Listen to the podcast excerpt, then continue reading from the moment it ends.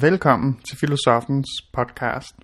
I det her afsnit kan du lytte til Anders Fogh Jensens introduktion til den tyske filosof Friedrich Nietzsche og hans livsfilosofi. Nietzsche gjorde oprør mod grammatikken, mod kristendommens slavemoral, og han hævdede, at det måske vigtigste i livet, det er at kunne besvare spørgsmålet, om den evige tilbagevenden er det samme.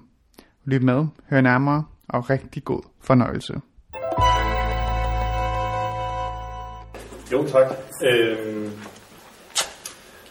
jeg vil ikke sige så meget om Nietzsche, og øh, som Marie-Louise også lige siger, så vil jeg mere... Øh, øh den vinkel, jeg vil lægge på Nietzsche, er nok en vinkel, der er mere sådan, hvordan, øh, ikke hvordan skal jeg leve mit liv, så i hvert fald øh, en mere eksistentiel vinkel, øh, end man kunne gøre.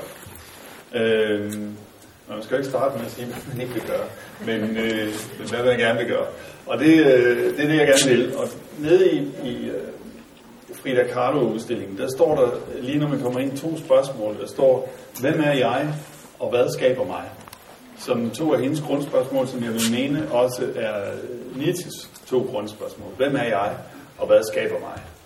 Øh, det skal jeg komme tilbage til lige om et øjeblik. Jeg vil ikke sige så meget om Nietzsche. Altså, øh, hvis man sådan er helt øh, hvor altså, Nietzsche bliver født i 1844, han er tysker, men er egentlig ikke særlig glad for Tyskland. Der er, som Nietzsche siger på et tidspunkt, for meget øl i den tyske kultur.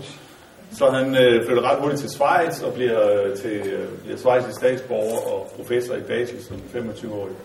Og egentlig græsk filolog i uddannelse. Øhm, og så tilbringer han jo øh, meget sin tid med at gå i bjergene. Øh, og ja, altså, som han også siger i, i øh, bogen øh, Således tale Zarathustra, så er det at være filosof, det er noget, man bliver ensom af. Eller i hvert fald alene. Man kan ikke forvente en øh, socialitet over det. Og øh, slet ikke, når man er Nietzsche og skal øh, gennemlyse kulturen og hamre øh, på den, øh, så kan man ikke forvente, at folk de øh, godt kan lide en. Så det er jo øh, også en del af, af hans liv. Øh, og som nogle af jer måske også ved, så... Øh, så ender livet jo sådan set ret stille for Nietzsche, fordi han den 2. januar 1889 øh, falder om halsen på en hest i Torino, og øh, derefter bryder sammen, og øh, så sådan set øh, er sindssyg, og øh, det kan der jo være mange teorier om. Bliver man sindssyg af at skal leve Nietzsches tanker, eller hvad? Øh, jeg tror nok, at der er forskellige teorier om det, og en af dem er, at det simpelthen bare var syfilis. Så, men altså, jeg vil ikke, jeg vil ikke sige så meget om, øh, om Nietzsches liv, men altså, og i alt vil jeg nok sådan tale øh, 40 minutter endnu eller sådan noget, og så er I meget velkommen til at, at stille spørgsmål, og hvad I nu ellers, hvad der går igennem hovedet på jer. Øhm, når jeg siger det her med, at hvem er jeg, og hvad skaber mig, som står dernede, det er Nietzsches, to af Nietzsches grundspørgsmål. Øh, så er det også fordi, at øh, undertitlen på Nietzsches øh, selvbiografi, Ecce Homo, eller Ecce Homo, er det, som man nu udtaler på latin eller italiensk, den er, det er, undertitlen er, øh, hvordan man bliver den, man er.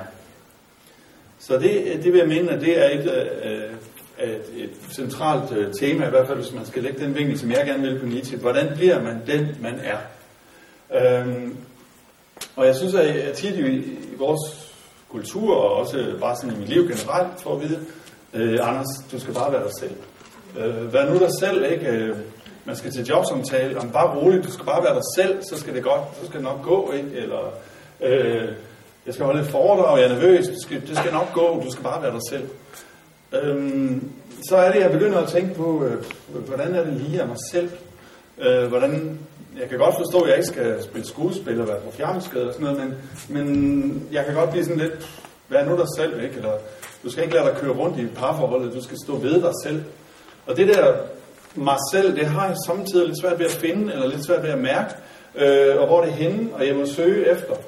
Og øh, kulturen tilbyder jo så også alle mulige former for øh, måder øh, at finde sig selv på, jo ikke mindst terapien, vel? At i terapien kan jeg så snakke mig frem til at finde ud af, hvad er egentlig mine øh, kerneværdier, eller hvad, hvad, hvad er egentlig mig? Øh, det kan også være, at jeg får lyst til at afsøge mine egne grænser. Øh, hvad kan jeg holde til? Hvor langt går jeg ud? Øh, hvad kan jeg ikke holde til? Øh, for at finde ud af, hvor går jeg egentlig til? Så når man, øh, hvis man går til Nietzsche som øh, man vil gå ja, til en øh, filosof og spørge Nietzsche, okay øh, Nietzsche, hvordan øh, skal jeg være mig selv? Så vil Nietzsche hurtigt sige, øh, drop den idé, at du kan være dig selv, for du er slet ikke. Altså, du er ikke. Øh, hvad betyder det? Øhm, skriver jeg lige, det er jo grund, grundkategori, må man sige, også i vores sprog, ikke? At være er et meget centralt verbum. Øhm, hvad mener Nietzsche, når han siger, at jeg ikke er?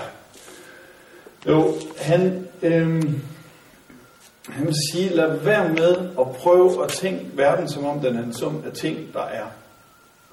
Øh, og det, nu kommer den første knast i det her foredrag, at man skal forstå, hvordan Nietzsche overhovedet tænker verden.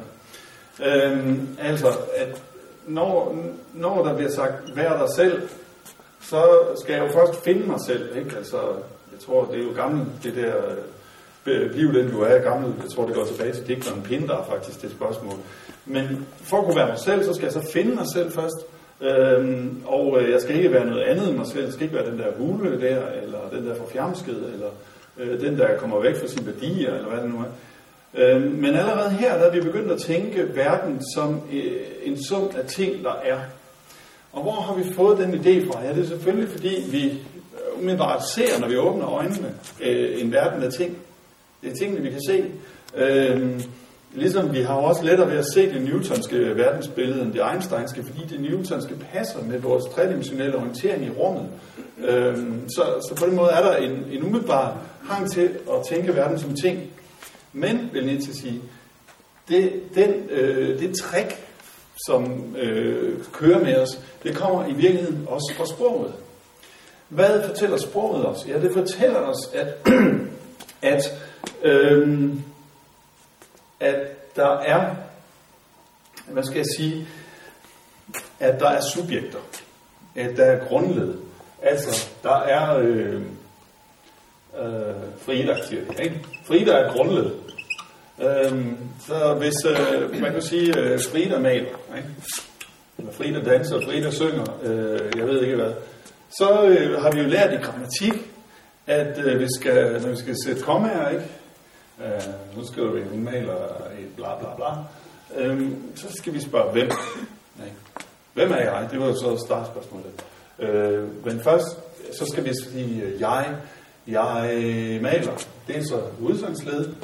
Øhm, og så spørger man jo det er altid, altid derefter, hvem maler? Ja, det gør Frida. Godt. Så har vi to ting her. Vi har en afgrænset Øh, et afgrænset svar på spørgsmålet, som er en ting. Og vi har måske også der et maleri, ikke? som der er også en ting. Øhm, det er den ene ting, som narres ved grammatikken, siger Nietzsche. Det er, at, at, at den altid har øh, den har altid ting i sig. Nu er det ikke grundet, men øh, det er vel sådan en der. Øhm, eller genstandsled, ikke? Øh, så det ene ting er, eller det ene forhold ved grammatikken er, at den siger, at verden er ting.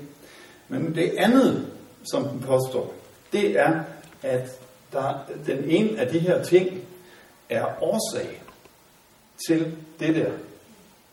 Så der er altså en, øh, en øh, hvad kan man sige, en, en stærk øh, forståelse allerede i vores grammatik til, at der er en masse ting rundt, som så er årsager til det, der sker.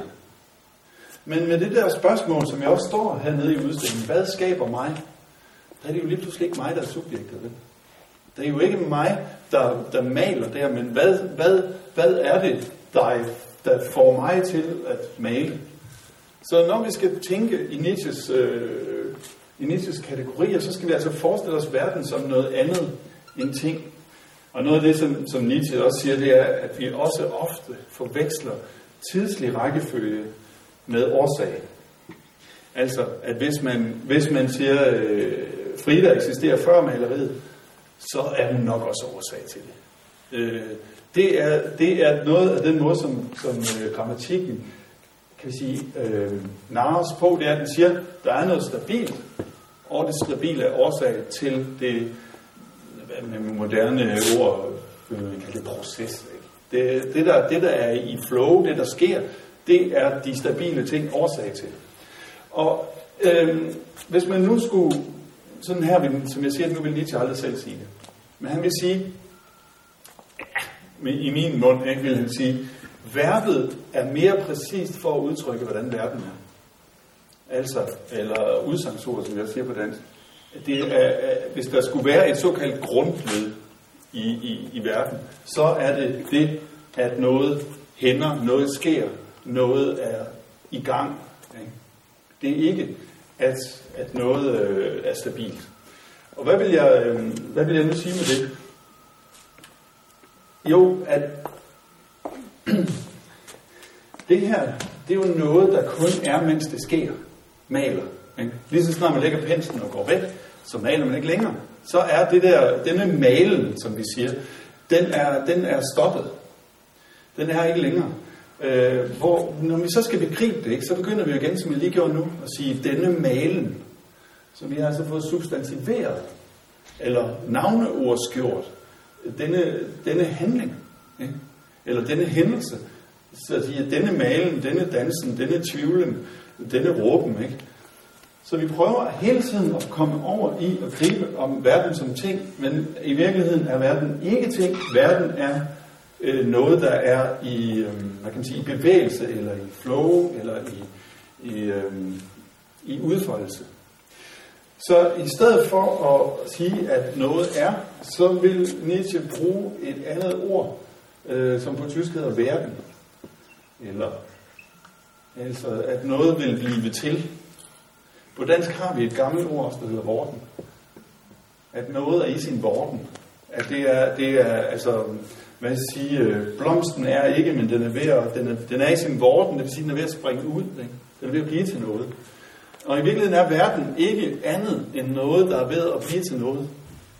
Så verden er altså ikke en, en, øh, en, stabil, en stabil ting. Hvad betyder det?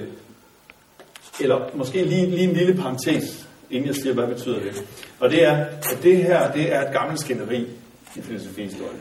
Et rigtig, rigtig gammelt skænderi, der handler om, hvad er det virkelige? Hvad er virkeligheden egentlig for noget? Øhm, og øh, grunden til, at man begynder at stille det spørgsmål, det er blandt andet, at man bliver meget øh, lidt optaget af, hvad er det virkelige? Fordi man, man kan sige, at hvis jeg nu stikker en kæp ned i vandet, så øh, kan jeg se, at den bøjer sig, og så trækker jeg den op igen, øh, og så er, den, så den lige, og så bøjer den sig. Det, det stiller uværmeligt mig selv spørgsmålet, hvad, hvad for noget af det passer? Ikke? Jeg kan åbenbart tage fejl, øh, når jeg ser den, fordi den er på to forskellige måder. Ikke? Øh, og der får mennesket selvfølgelig også den tanke, hvad nu, hvis jeg også tager fejl, når jeg tror, jeg ikke tager fejl? Altså, hvad nu, når jeg kigger, på kæppen, og den er blevet lige igen? Hvad nu, hvis jeg også tager fejl der? Så denne søgen øh, efter, efter noget, der er rigtigt eller sikkert, er et gammelt øh, spørgsmål i filosofihistorien, og det kommer også frem, når man kommer til at tænke over det, man kalder forandringsproblem. Når noget forandrer sig, hvordan kan noget forandre sig? Altså, hvordan kan du forandre dig og alligevel være den samme? Eller når jeg, når jeg ved, at alle mine celler øh, og alle, alle ting i mit skelet er skiftet ud øh, på syv år, hvordan kan det så give mening at sige, at det var den lille dreng Anders? Ikke? Der har vi så selvfølgelig i øh, både øh, visse forestillinger om det i antikken, men også i en sige, jamen det er så sjælen, der er den samme. Ikke? Men, men alt det her, det fører til et skænderi, som på den ene side har en gammel filosof, der hedder Parmenides, som øh, Platon øh, arbejder videre med, øh, at det virkelige, det er inden under alt det, der til synligheden forandrer sig. Der er det virkelige det stabile. Og på den anden side udgående en retning fra Heraklit, som Nietzsche mere barn af, der siger, nej, det er stabiliteten, der er illusionen. Og det, I kender måske her det gamle, øh, hvad kan jeg sige, øh, diktum eller slogan, ikke, som Heraklit skulle have sagt, Pantarei, alting flyder, eller øh, jeg kan jo ikke stige ned i den samme flod to gange, fordi i mellemtiden har både jeg og floden forandret. Så, så det, som øh, Heraklit og Nietzsche-fløjen altså prøver at, at slå på trum for, det er, at det, at vi tror, at tingene er stabile, det er det, der er illusionsnummeret. I virkeligheden er alting hele tiden i, i, øh, i, i flow eller proces, eller hvad man nu vil sige i konsulentbranchen. Ikke? Altså, alting er under, under forarbejdelse hele tiden. Den er i vorten. Det har en konsekvens. Hvad betyder det? Det var det, jeg ville svare på. Det har en konsekvens for udsagnet, bliv den du er. Bliv den du er. Det betyder, det er derfor Nietzsche kan sige, drop det med at blive den du er, i forstanden og være dig selv. Fordi du er slet ikke. Du, der er jo der er kun tilblivelse i verden, og det gælder også dig. Så du er, det, det, der, der er en form for, for, øh, for vorden, som du kalder dig, men som, som er i, i total øh, forandring hele tiden. Når Nietzsche så alligevel siger, okay, øh, du kan blive den du er, så vil han sige, det det har at gøre med, øh, det du kan, det er, at du kan være din vorden tro. Være tro mod, at du, øh, at du ikke er, men er hele tiden er i tilblivelse. Øh, sådan at forstå, at hvis jeg forsøger at holde fast i mig selv, sådan som jeg er nu, så kommer jeg i virkeligheden væk fra det, som jeg egentlig er. Nemlig en, der hele tiden er i forandring. Ikke?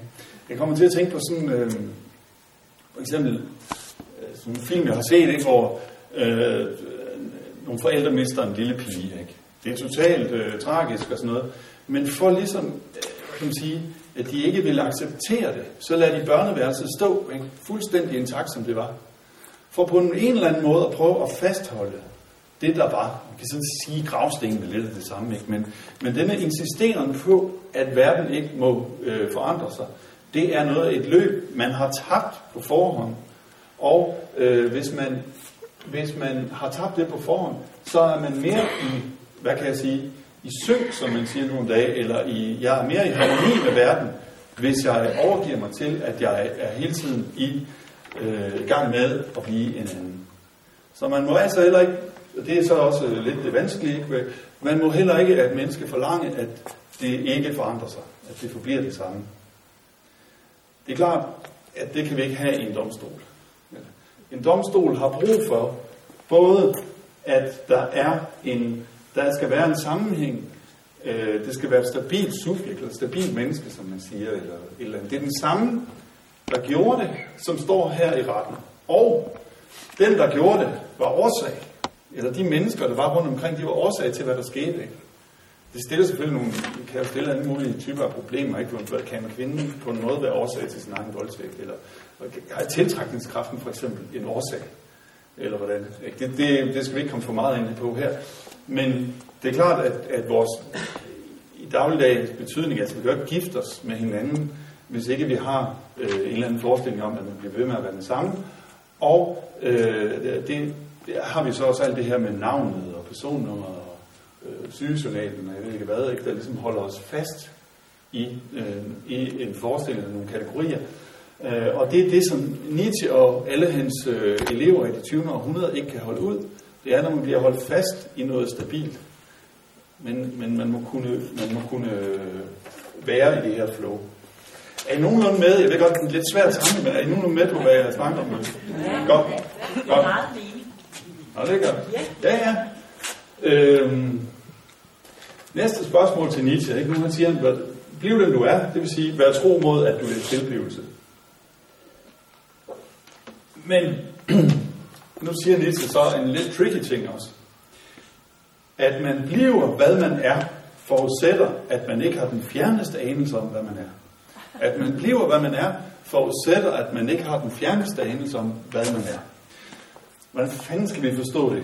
Øh, der, der, der tænker jeg, altså, der, der er dels en pointe i, at det er et stort tema i det 19. århundrede, efter den tyske filosof Hegel, det vil sige fra 1830 og frem efter, hvor vi har øh, filosofer som Schopenhauer, Marx og Nietzsche øh, og Kierkegaard ikke mindst, det er, at der begynder at, eller ikke begynder, der er et, de filosofier handler meget om, at mennesket kan ikke forstå sig selv til bunds. Det kan ikke selv, øh, hvad kan man sige, det kan ikke forstå sin egen eksistens fuldstændig. Det er jo så for os nu tydeligt, at, at det er Freud, der bliver forberedt her også. Ikke? at jeg kan ikke fuldstændig gennemskue mig selv. Øh, og den, den øh, det mener jeg, det er også det, Nietzsche siger her, ikke? at man har ikke den fjerneste anelse om, hvad man er. Hvis man tror det, så er man ikke engang sig selv tro. Man må, man må forstå, at man ikke kan forstå sig selv. Men jeg tror også, der ligger noget andet i det, nemlig øh, du ved slet ikke, hvad du kan blive til. Altså det du er nu, det rummer nogle øh, potentialiteter, eller som det samtidig hedder i filosofien, virtualiteter. Der er noget, du kan blive til, som du, du vidste ikke, at dette kunne blive. Og du skal ikke tro, altså at være dig selv tro, det er også, du skal ikke tro, at du kan overskue, hvad du kan blive til. Du kan blive til mere, end du tror. Øh, så jeg tror også, det er det, han vil sige, at, være så, at man bliver, hvad man er, forudsætter, at man ikke har den fjerneste anelse om, hvad man er. Så lad være med med prøve at kontrollere det. Godt. Så kommer næste spørgsmål til Nietzsche. Nu har han prøvet at forklare os, hvordan jeg bliver den jeg er, nemlig ved at jeg har tilgivet sin tro. Så, så må jeg spørge hvad er der så i verden? Det, det er jo samtidig det, som, som filosoferne kalder ontologi, det er at sige, hvad, hvad, hvad, hvad består verden grundlæggende af? Hvis den ikke består af ting, hvad består den så af, Nietzsche? Og der er Nietzsches svar, fordi han er jo øh, lidt en elev af en, en, øh, en filosof, der hedder Schopenhauer, øh, som der er folk herinde, der ved meget mere om mig. Men øh, Schopenhauer har lært Nietzsche, at verden grundlæggende er vilje. Verden er ikke som den fremtræder som ting, men grundlæggende er der vilje i verden. Og det bliver i Nietzsches, øh, i Nietzsches verden, der bliver det til, at, at, at verden ligesom, jeg tror vi skal forestille os, at, der, at verden er et, af kræfter og bunder af kræfter af alle mulige retninger. Ikke? Der er noget, der vil noget. Der er noget, der, der, der vil mere. Så derfor, Nietzsches grundbegreb, som man heller ikke må, eller helst ikke må misforstå, det er vilje til magt. Ja, det handler ikke om, at alle gerne vil være konge, eller Hitler, eller øh, Gaddafi, eller sådan noget. Det handler om, at øh, disse viljer, som verden består af, de vil altid mere. Så altså, hvis vi skulle svare med Nietzsche på Frida Kahlos spørgsmål, hvad skaber mig? Så vil øh, Nietzsche sige, det er viljer, der skaber dig. Det er ikke Frida, der maler, men der er noget, hvad kan man sige, der går igennem øh, Frida, eller det vi forstår som Frida, som vil ud, som vil skabe, som vil kreere, som vil lave noget mere. Så det her det er i virkeligheden en kreativ kraft, hvor øhm, det, det er kreativt, hvorimod at den kraft, der vil holde fast, den kalder Nietzsche et sted for mumificerende. Ikke? At man vil lave mumie ud af det der, ikke? ligesom det her børneværelse, der skal blive ved med at stå, eller som historieskribenterne, eller hvad kan man sige, hvis du vil opføre Shakespeare og prøve at lave det fuldstændig som på Shakespeares tid, så prøver du at lave en mumie ud af Shakespeares stykke, og det er muligvis øh, mere tro mod Shakespeare at lave Bas Luhrmanns mumie og Julie, end det er og altså den her film, som kom for en 10-15 år siden, at det er at lave sådan en fuldstændig præcis scene af det. Så, så viljen til magt er også en altid ville mere end det, der er lige nu. Øh, en, altså, på den måde er verden i højere grad øh, en, en form for Altså man skal forstå det her som kraft. Og det, det her, der er en masse fragmenter, der Nietzsche øh, Øh, dør, som øh, ligger der. Og øh, Nietzsche var under ar- ville ar- udarbejde et, vær- et værk, der hed Vilje til magt. Det har man så forsøgt at samle lidt. Øh, først øh, forsøgte øh, Nietzsches søster der, Elisabeth Förster, som var gift med en nazist, og det fik det en særlig, en særlig øh, der var noget, der blev sorteret lidt i det her, ikke? så det passede bedre i nazismen. Men det har man efterhånden fået luet godt ud i. Øhm, det jeg vil sige med det var, for eksempel på fransk, der har man fået samlet det her værk. Ikke? Man oversætter ikke det her med pouvoir på fransk. men oversætter med puissance, som også betyder kraft. Ikke? Altså, øh, man oversætter det ikke. Det er ikke den formelle magt eller folketingets magt, vi snakker Men det er kraften til at skabe eller til at ville stadig mere, som man, som man øh, oversætter det med. Øh, altså det er mere på, på latin mere på testas end på terte. Øh, eller potent, det er mere potential end testas, altså, det er det, jeg vil sige. Godt. Hvordan, hvad, hvad kan der så ske, når verden, når verden er øh, sådan en, øh, en række af viljer? Jo, øh, det som Nietzsche vil undersøge, og derfor hvor hans spørgsmål, grundspørgsmål, det er hvem, det er, at han indfører en eller anden form for mistanke. Altså, når jeg hører et udsagn, så skal jeg spørge mig selv, hvad er det for en kraft, der taler her? Hvad er det for en, der vil det? Altså, øhm, nu bruger vi lige et øh, eksempel, ikke? Altså, Jørgen Let skriver, øh, ja, så øh, tog jeg kokkepigens datter, det var min ret. Ja. Øh, så, så må man spørge sig selv, hvad er det for en kraft, der taler der?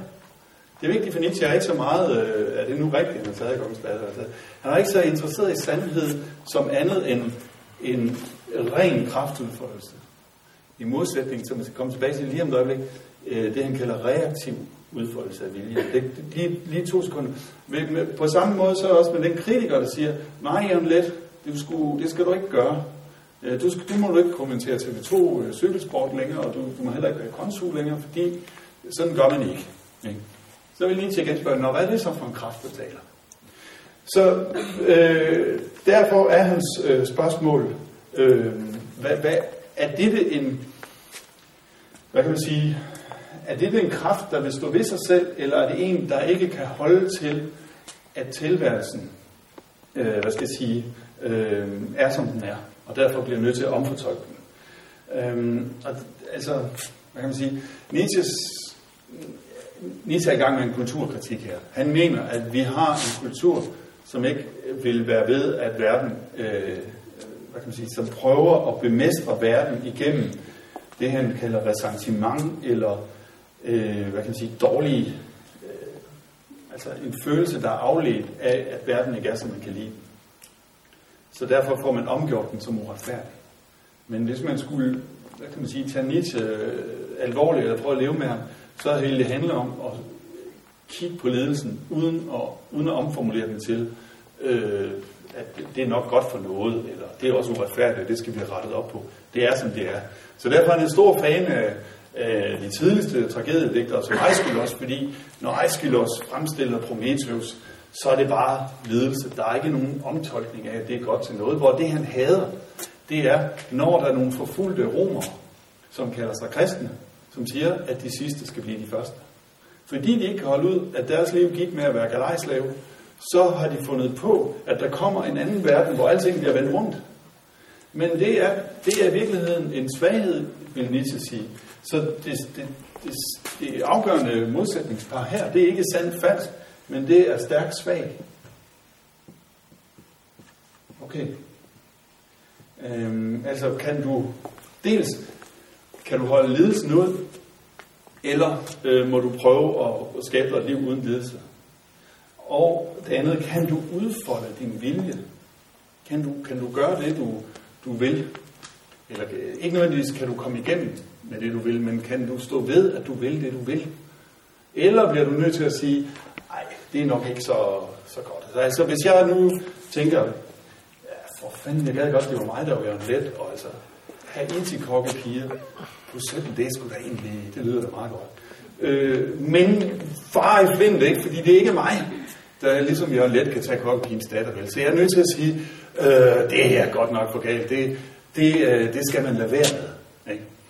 Så er det en, vil Nietzsche sige, det er en svag måde at prøve at håndtere den anden på, ved at sige, at han skal lade være med at udfolde sin kraft. Det er præcis det, som Nietzsche så kalder moral. Moral, det er ikke styrkeudfoldelse. Og der er der altså sket noget med vores begreb om dyd. Fordi dyd kommer egentlig af dulighed. Arete på græsk, øh, det er, øh, det kan lyde lidt mærkeligt, men Aristoteles kan tale om et, et dydigt øje, eller en dydig hest. Så en dydig øje, det er et, der ser godt. Og en øh, dydig hund, det er en, der løber godt, og gør godt, og gør det, den er meget hund, ikke? Men øh, hvor i, med den kristne, øh, i den kristne terminologi, som Nietzsche er specielt bred på, der bliver dyd til den, der ikke gør, hvad han kan. Altså til askesen, ikke? som er øh, båret af en form for tilbageholdelse. Øh, så den dydige pige, det er den, der ikke går i seng med hvem som helst. Ikke? Men hvis det er nu det, hun er lavet til, så, øh, så er dyden at udfolde sin krop på en anden måde. Ikke? Og det, øh, altså, nu bruger jeg bare sådan nogle eksempler, det, er ikke for, for, det kunne være alt muligt. Ikke? Det kunne også være, min stemme er lavet til at råbe. Ikke? Så den er dydig, når den råber. Ikke? Hvis jeg runder rundt og er stille hele tiden, så, så er den ikke i udfoldelse. Men der er nogen, der har prøvet at få mig til at være stille og sige, ej Anders, nu, som min mor altid sagde, Anders, nu skal du ikke optræde. Vel? Men en lille dreng vil gerne optræde. Ikke? Øh, så det at begrænse øh, den udfoldelse, det kan godt være, at det er godt for, for, for, øh, for, øh, for stuen, stemningen i stuen, men så lad os da kalde det det der, ikke? Altså, så giv mig da mundkur på, eller et eller andet, i stedet for, fordi det ville være mere øh, udfoldende, end det ville være at sige, ej, det er sådan set godt for os alle sammen, hvis du ikke lige spiller så meget skuespil hele tiden. Øh, så det, det, det, det Nietzsche vil, mener med moral, det er, at det er en form for livsfornægtelse, som ikke vil stå ved udfoldelsen. Her har, har vi så lige brug for en skældning. Øh, ah, det kunne man ikke det her, det er fordi, vi kører lige over i grøn. Hvad for noget? Nej, det går ikke. Nå jo, den her kan vi Ja, så gør vi det. Så må vi altså lige tage slagsmål med de der tusser bag. Øhm, spritten er jo op. Se, hvis I skal skælne det her, jeg sagde, at det vigtige, den vigtige skældning for Nietzsche, det er stærk og svag. Hvad er forskellen på stærk og svag? Det hedder også to andre ting på Nietzsches sprog. Det hedder aktiv og reaktiv, eller det hedder øh, herre og slave moral. Det der er forskellen, det er, at den aktive udfolder sig direkte. Altså siger, øh, jeg er barn, der vil spille skuespil. Ikke? Det er en direkte udfoldelse, hvor den, der siger, den, der tager udgangspunkt i den anden for at definere sig selv, det er øh, den, der, øh, hvad skal jeg sige, øh, ikke, det, det er den reaktive, ikke? den siger, jeg er ikke den, derfor er jeg det. Øh, det kan jo være, øh, for eksempel øh, sådan en amerikansk udenrigspolitik. Det siger, at vi er ikke terrorister, derfor er vi dem, der forsvarer loven. Nietzsches eksempel er sådan øh, med, med lammet og rovfuglen, ikke? hvor rovfuglen siger, den aktive siger, ej, sikkert et dejligt lam. Ikke? Den definerer sig ikke som modsætning til lammet. Den vil bare lammet. Hvorimod rovfuglen siger, øh, det, det vil nok, øh, hvis, hvis, altså lammet siger, hvis rovfuglen var ligesom mig, øh, altså den er ond, derfor er jeg god. Men den, den, den spiser andre. Det gør jeg ikke, derfor er jeg god. Forstår, forstår I, øh, om man starter med den anden, eller starter med sig selv, det er der pokkers til forskel for hos Nietzsche.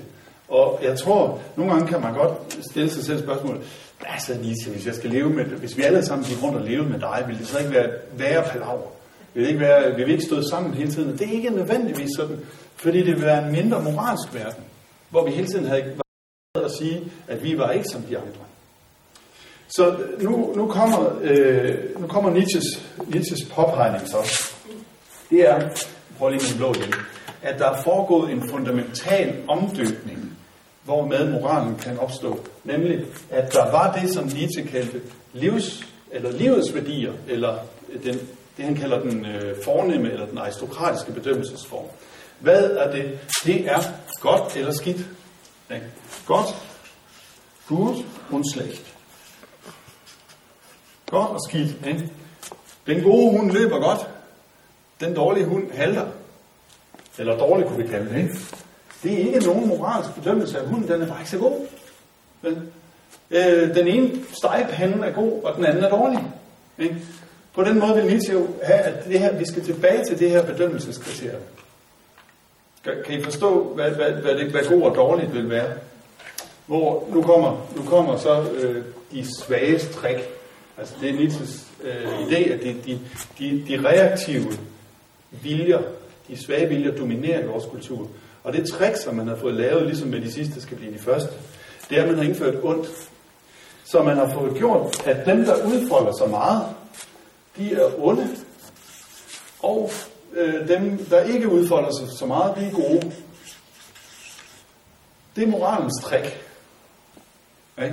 Nu, nu bliver jeg jo ved med øh, tåbelige eksempler fra min barndom, ikke? Men, men de kan måske godt være illustrative nok. Ikke? Mine forældre har en gravhund, ikke? Den gør, og den løber og alt muligt som lille, ikke? Og de gør jo, hvad man jo samtidig gør ved mandsvæsen af den her kultur. de kastrerer den, ikke? så den ikke udfolder sig så meget. Øh, hvad, hvad gør de mere? Ja, den bliver gammel, og de og dem, dem på ned og sådan noget. Og efterhånden som den bliver gammel, så siger de, nu er det blevet en god hund. Ikke? Det er en god hund, den larmer ikke så meget. Men det, der sker op i Nietzsches aristokratiske bedømmelseskriterium, det er, at det er blevet en skidt hund eller en dårlig hund. Ikke? Den er ikke så god til at være hund længere, som da den var lille. Så det er sådan set den, hvad kan man sige, den kristne, øh, begrænsende øh, øh, moral. Og i virkeligheden så kan vi genkende to forskellige bedømmelseskriterier her.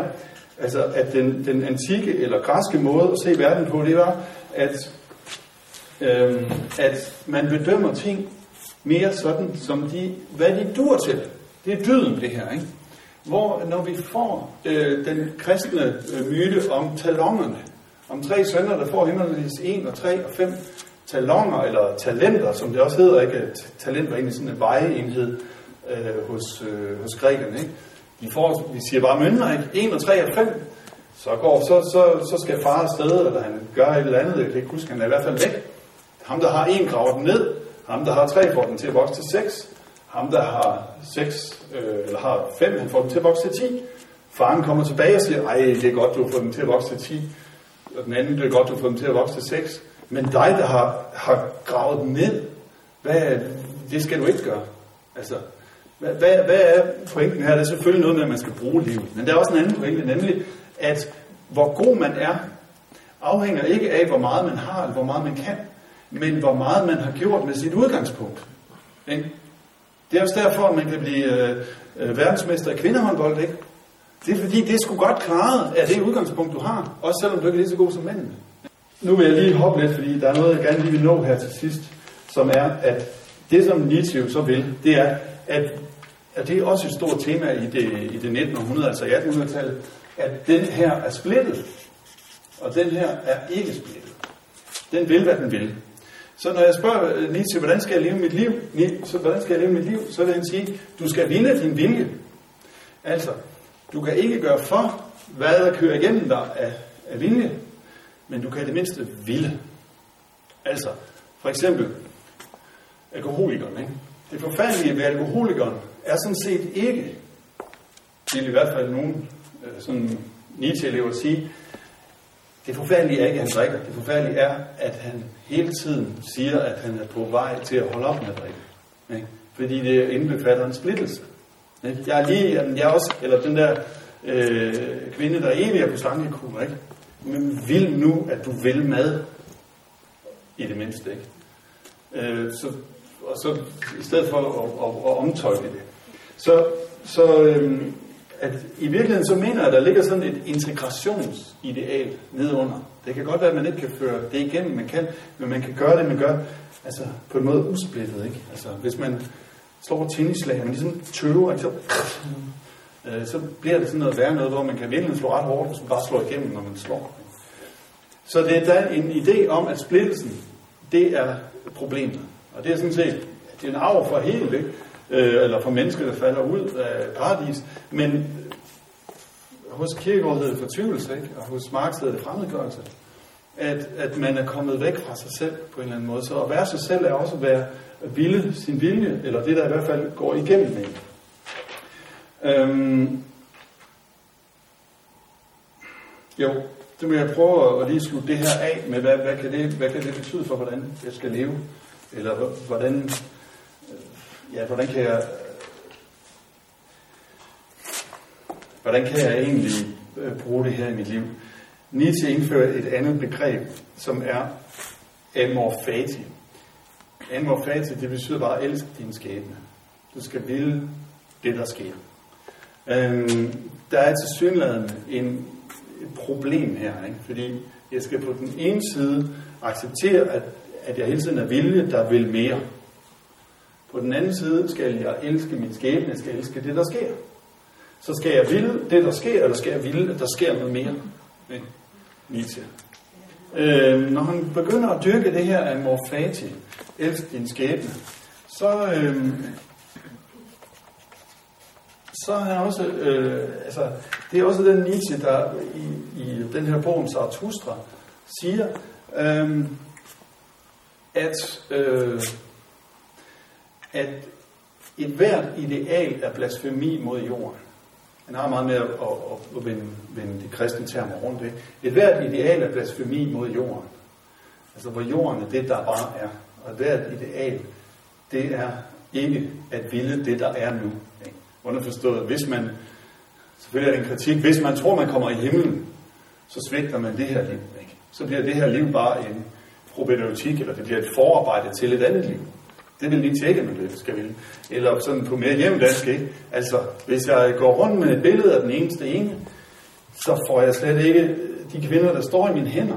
Øh, dem mærker jeg jo slet ikke, fordi jeg tænker, nej, det, det er jo ikke den eneste ene. Det, det er jo heller ikke den eneste ene. Øhm, så det Nietzsche vil væk fra, det er, at vi lever i idealet, eller i det, der nok skal komme en dag. Det er det, han vil sige med amor fati, øh, elsk din skæbne. På den anden side må jeg også vide, at jeg er vilje, og det vil sige en, der hele tiden vil mere. Det var her splittelsen bestod, ikke? Skal jeg ville det, der er, eller skal jeg ville mere? Nu kommer så løsningen på det problem. Det er det, som øh, Nietzsche kalder den evige genkomst.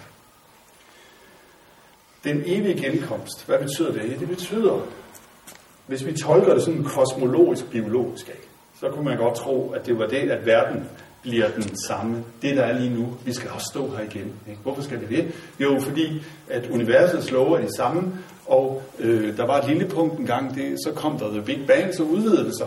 Så trækker det sig sammen igen med de samme love, bliver til et punkt igen. Hvis det er det samme punkt og de samme love, så må det udvide sig igen, så må det samme komme igen, og så... Men det er jo, nu har jeg jo lovet, at jeg vil give en anden tolkning af Nietzsche i dag, en øh, mindre biologistisk, eller mere, mere eksistentiel tolkning. Hvad betyder øh, den evige genkomst så, hvis man skulle tolke det øh, øh, eksistentielt? Og der siger, der siger Nietzsche, øh, jo, hvis nu der kom en dæmon op til dig, eller en eller anden øh, figur, ikke, og sagde, nu skal du høre, øh, det der sker lige nu, det skal ske igen. Den dag, du har levet i dag, den skal komme igen. Og det, det år, som du har levet sidste år, det skulle du også leve igen. Så er lakmusprøven på en måde på livet, det er, bliver du rædselslagen, eller bliver du glad? Når han kommer og siger det, ikke? Øh, kan du ville, at det du lever nu, kan du leve igen? Eller kan du ikke ville det? Øhm, og på en måde så er det jo, øh, jeg skal nok lige gøre den færdig, men på en måde er det jo løsningen på den her tvedeling, vi har mellem, jeg er en, der hele tiden vil mere, jeg elsker det, der er lige nu. Hvordan det? Jo, for jeg vil mere af det, der er lige nu. Ikke? Så jeg vil mere af det samme. Det er det, som Nietzsche vil sige, det er en bekræftelse af livet frem for en fornægtelse. At jeg kan ville, at det sker igen. Det er en, hvad kan man sige, øh, det han kalder det den største vægt. Og det vil sige, det, er, det handler om at få den største vægt over på sin side. Er det den tungeste besked, du har fået, eller er det den, det glædeligste budskab, du har fået? Der er nogle forskellige muligheder her. I den øh, roman af Milan Kundera, der hedder Udødeligheden, der, øh, der kommer der sådan to mænd hen til hovedpersonen Agnes, eller Agnes, og siger, øh, vi, vi er lige i gang med at arrangere den næste verden. Øh, vi skal bare lige høre, skal vi sætte det sammen med din mand Paul igen, eller skal vi sætte det sammen med en anden? Bare lige sådan, øh, så vi lige ved det. Så går hun og tænker over det i en uges tid, ikke? og så kommer de tilbage. Og så er hun over og så siger hun, ej, ej, lad være med det. Lad være med det. Sæt mig sammen med en anden. Ikke? Derefter, så stiller spørgsmålet sig så selvfølgelig for hende. Hvis jeg ikke kan ville leve det næste liv med ham, kan jeg så ville leve det her liv? Kan jeg så ville bruge mine sidste 30 år på en måde, som jeg ikke vil bruge det næste liv? Øh, det kan man ikke vil. Så bliver hun nødt til at gå fra ham. Ikke? Det er også det, Nietzsche vil sige, og til de der fjolser, der siger, at filosofi eller tanker ikke kan ændre verden. Det ændrer jo hele verden, om man, hvad kan man sige, for, for Agnes der, at hun tænker den tanke igennem. Så, så når, når Nietzsche siger det her, øh, kan du ville, at det sker igen, så har jeg jo sådan ligesom, øh, jeg kan jo så forandre livet. Men man kan jo selvfølgelig stille, at det hver dag, altså må jeg ikke have en kedelig arbejdsdag, skal jeg så til at sige op og sådan noget. Men vi er jo også flere, der hver nytårsaften lige tænker sådan, hvordan, hvordan gik det her over egentlig? Eller, ja, det er sådan lidt højtidlige stunder, ikke, hvor man kan tænke over, man skal lave noget om. Men der er også den mulighed, og det er så en anden mulighed, at man prøver at lave sig selv om. Altså, hvis ikke jeg kan elske min skæbne, så spilder jeg mit liv. Kan jeg lave den om? Nej. Måske kan jeg lave mig selv om, så jeg kan elske den. Altså, ja, altså, så, så jeg kan acceptere det. Fordi så kan jeg igen blive, så at sige, usplittet ikke? med det, der sker. At det, der sker, er godt, fordi det sker. Og det, jeg vil det. Øh, så det er den anden variant. Men det sidste, jeg vil sige, altså enten laver man verden om, eller man prøver at lave sig selv om, så man kan elske. Det andet, øh, det, det, den lykkeligste situation vil selvfølgelig være, at jeg overvejer, kan jeg ville mere af det samme? Kan jeg ville, at det kommer igen? Og jeg tænker, ja. Fordi hvis jeg tænker ja der, så er det også noget, der ændrer sig i, i, i mit liv. Ikke? Før levede jeg det bare. Men nu lever jeg med det, med bevidstheden om, at jeg vil det igen. Og det, det er, hvad kan man sige, det vil gælde at få den største vægt over på sin side. Ikke? Men selvfølgelig er et, et, øh, stort krav til livet, men som ikke desto mindre, øh, i hvert fald nok er en tanke, som jeg mener, man kan, man kan tage, tage med sig fra Nietzsche, ikke? at den første var, lad nu være med at tro, at du kan forblive den samme. Det kan du ikke. Vær hellere tilblivelsen tro. Og det andet er, prøv at leve således, at du kan ville det igen. Fordi du kan ikke, du kan ikke så at sige, forblive den samme, men du kan leve som, som om det skulle komme igen. Det vil være øh, det sidste ord lige for nu, og så spørg løs, og vi har 12 minutter, så øh, der kan vi nå noget. Jo, jeg tror, det er dig først, eller dig. Ja. Jeg tænker, har han slet ikke tro, øh, tror ikke på noget som religiøs, noget andet end et menneske, noget større end et menneske, så det vil sige, at det kun mennesket. Og... Ja, altså, han tror ikke på mennesket. Han tror på en størrelse, der er mindre end mennesket. Ikke på en størrelse, der er større, men på viljen. Og at vi er, hvad kan man sige, en masse viljer. Så hvis du sidder i hvis du, sidder, øh, hvis du man forestiller sig, at man er terapeut, og man sidder over for noget, man kalder et menneske, så skal man kigge på det, som om det er en masse aktive og reaktive kræfter. Så som, som, og, og, og øh, ofte, når vi er i sorg, eller fortrydelse, eller vrede, eller andet muligt, så har de reaktive kræfter fået overhånd. Ikke? De, de der chefen, han skulle have en bank, ikke? eller sådan et eller andet. Og, og der skal man, jeg tror jeg, tænke, hvis man skulle lave initiatisk terapi, som om man skal prøve at sige noget, der kan aktivere de aktive kræfter. Så de får dominans. Altså en kultur eller en person, der er god i, i livsforstanden her, det er en, hvor de aktive kræfter dominerer over de reaktive. Men det er svært, når man vokser op i en samvittigheds- og skamkultur, vil Nietzsche sige. Så han tror på noget, der er mindre. Men det er klart, at han også har et stort øh, mellemværende eller udstående med den kultur, vi lever i, fordi han jo er i gang med at diagnostisere sin tid som nihilisme. Nihilisme, det nihil betyder intet, det er det, at, at værdierne ligesom er, øh, der er ikke nogen værdier længere. Øhm, og og det, altså det, det handler dels om, at, at øh, han mener, at man kan ikke finde ud af at skabe værdier, hvis man bare overtager værdier. Så kan man ikke selv finde ud af at, at, at hvad kan man sige, skabe dem. Øh, altså, hvad ved jeg, øh, altså det er jo i et kunstnerisk ideal, ikke? Frida Kahlo ikke kopierer de andre malere, men hun skaber sit eget. Ikke? Og det, nu skal vi så også, altså Nietzsche er på en måde blevet indløst her i det 20. århundrede. Fordi det, som Nietzsche kæmpede for, det er det, vi skal være nu. Ikke? Vi skal være en, der skaber os selv, eller laver, øh, altså det er jo senere hen, altså det er, hvor at lave vores eksistens om til en æstetik, eller vores liv om til et kunstværk. Ikke? At forsøget på at skabe og være unik nu, den er, den er nærmest blevet indløst som, som det, vi skal være. Men på Nietzsches tid var det nok sikkert ret vigtigt. Så han kæmper altså imod det her, øh, eller prøver at diagnostisere, at der findes en en mangel på værdi i hans tid, som er, at man sætter det liv, eller de, de, den vilje igennem, som man, man egentlig består af. Ja, det er kompliceret lige at, at redegøre det. Det var dig først, og så er der nogen andre over til dig, og så, ja. Det var dig. Ja. Har Nietzsche øh, beskrevet en vision eller sin forestilling om et samfund, der fungerer efter den ønsketænkning, han har med, at man udtrykker, lever efter sin vilje og, og disse ting. Hvordan vil et samfund baseret på det kunne fungere? Mm, ja, altså det har han ikke. Og altså, ligesom med Kirkegaard øh, ikke så meget for masser, så øh, er Nietzsche heller ikke så meget for et samfund. Altså, du kunne nok godt finde, hvis du skulle placere ham politisk, en, en anarkist i ham. Øh, der er en, øh, en, øh, en, en amerikansk filosof, der hed øh, Richard Rorty, som sagde, at man må, man må leve sit liv med Nietzsche og lave politik med Habermas. Sådan at forstå, at det omvendte går ikke. Altså, man kan ikke, man kan ikke lave politik med Nietzsche, man kan slet heller ikke leve sit liv med Habermas. Øhm, så nej, altså, men, man kan jo, men hvis du i stedet for sagde kultur, så vil jeg sige, ja, vi kan godt forestille os en bedre kultur, nemlig den, hvor vi ikke er så optaget af at begrænse hinanden. Mm. Så er det dig, og så skal vi derover. Ja. Altså, vi har jo stadigvæk lidt af den konflikt, som han havde dengang i psykiatrien nu.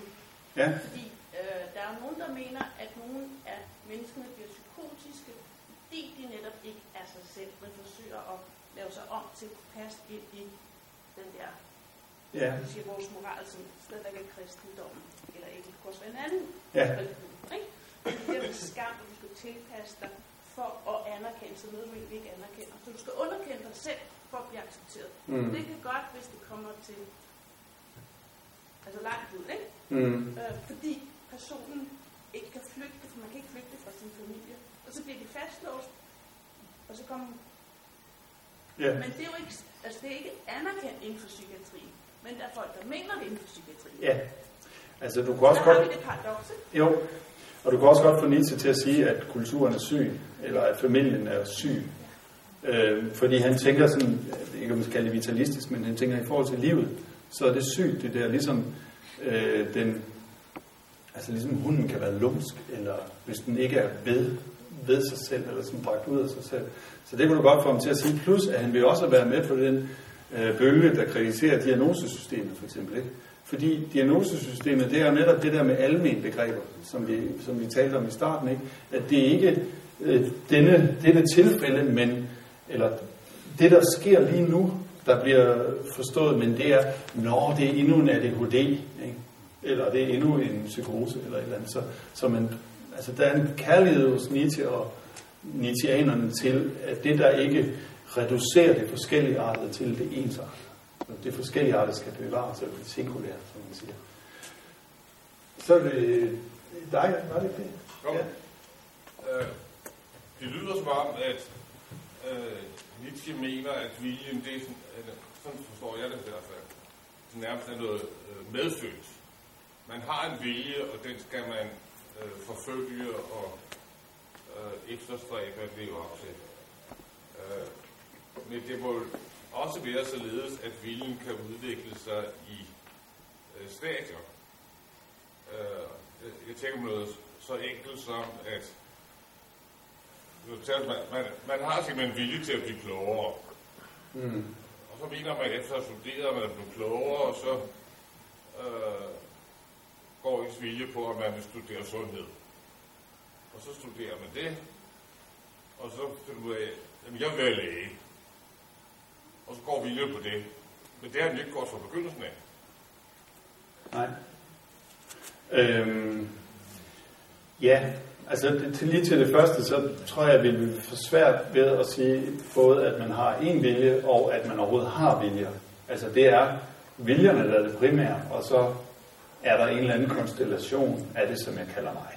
Men, men dermed, ellers så er jeg fuldstændig enig i den der, øh, eller tror, han ville tænke med det der, og så okay, hvad kan jeg så, kan jeg ville være læge nu?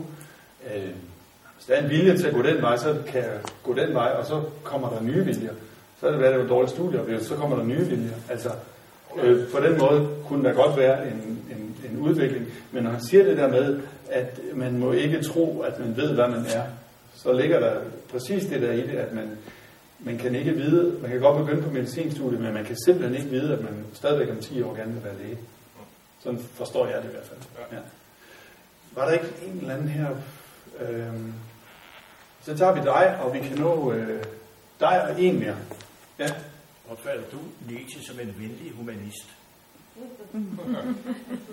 Nej, altså, jeg vil sige det lidt før, at, at menneske, Nietzsche siger, at vi er blevet trætte af mennesket. Det vil sige, at det, der er mennesket, det er den her moralske konstruktion, som er årsag til, hvad, det, hvad der sker omkring det. Det er det, det gælder om at komme over. Så, øh, hvad kan man sige, komme over hvordan? Jeg skal nok lige komme tilbage til, om, om han er en glad humanist. Var det ikke? Venlig humanist, ja. Øhm, fordi han, han vil gerne have, at vi kommer over det, som, som det, det moralske menneske, og bliver det, som er blevet lidt misforstået som overmenneske. Det overmenneske, det er et, der ikke underlægger sig den her generelle moral. Er det så en glad humanist? Det er i hvert fald en antihumanist i forstanden, øh, i den forstanden humanist, det er sådan et kultiveret menneske, som, øh, hvad kan man sige, som, som, op, som en spidsborger, som Kierkegaard siger, altså en, der gør alt det, man skal. Ikke? Øhm, men jeg ved ikke, jeg ved ikke om han, jeg vil nok heller ikke sige, at han er venlig. Han skriver jo enormt hårdt, og han var måske den vredeste filosof i filosofihistorien. Ikke? Øhm, og, men jeg synes, at der, han er ikke en venlig humanist, han er mere en glad antihumanist. Øh, han er en, der vil, han, han vil bryde det, vi forstår ved mennesket, men det er for, at vi kan blive gladere. Fordi at det her, det er ikke lykke, eller det reaktive, det er ikke lykke. Men han er ikke venlig. Jeg ved ikke, om det er et svar overhovedet.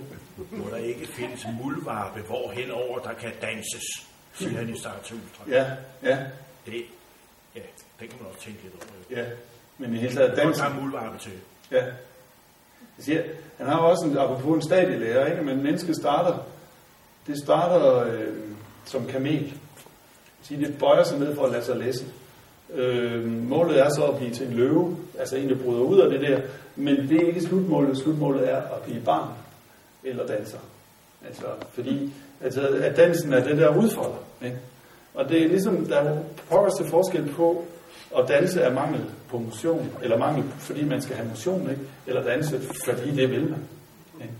Det er forskel på det, på en måde på det reaktive og det reaktive. Hvor, hvorfor danser du? Er der nogen andre? øh,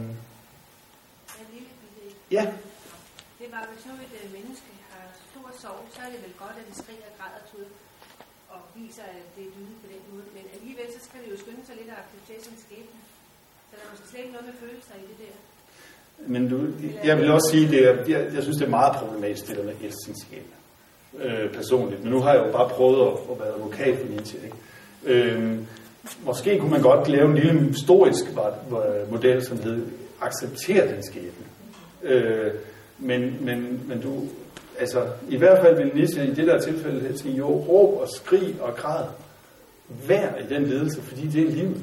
Og lad være med at, om, lad være med at lyve dig til, at det, det er godt, eller det bliver bedre, eller at du får noget bedre, fordi øh, det har du fortjent, når du lider. Ikke? Så man skal ligesom kunne være i, øh, i ledelsen.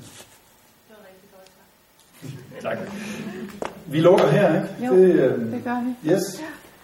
Tusind Jamen, øh, tak fordi I ville komme, og ja,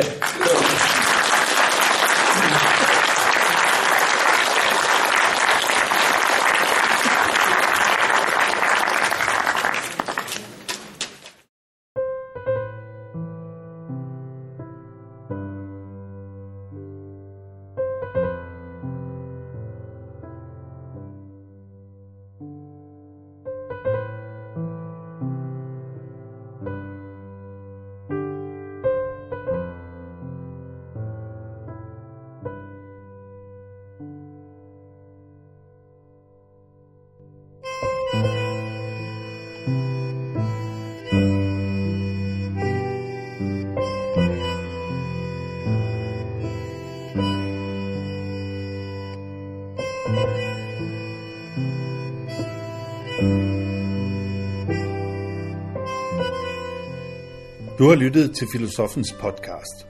Se mere på min hjemmeside filosofen.dk og tag med mig på dannelsesrejse. Se dannelsesrejser.dk. Mit navn er Anders Fogh Jensen. Tak fordi du lyttede med.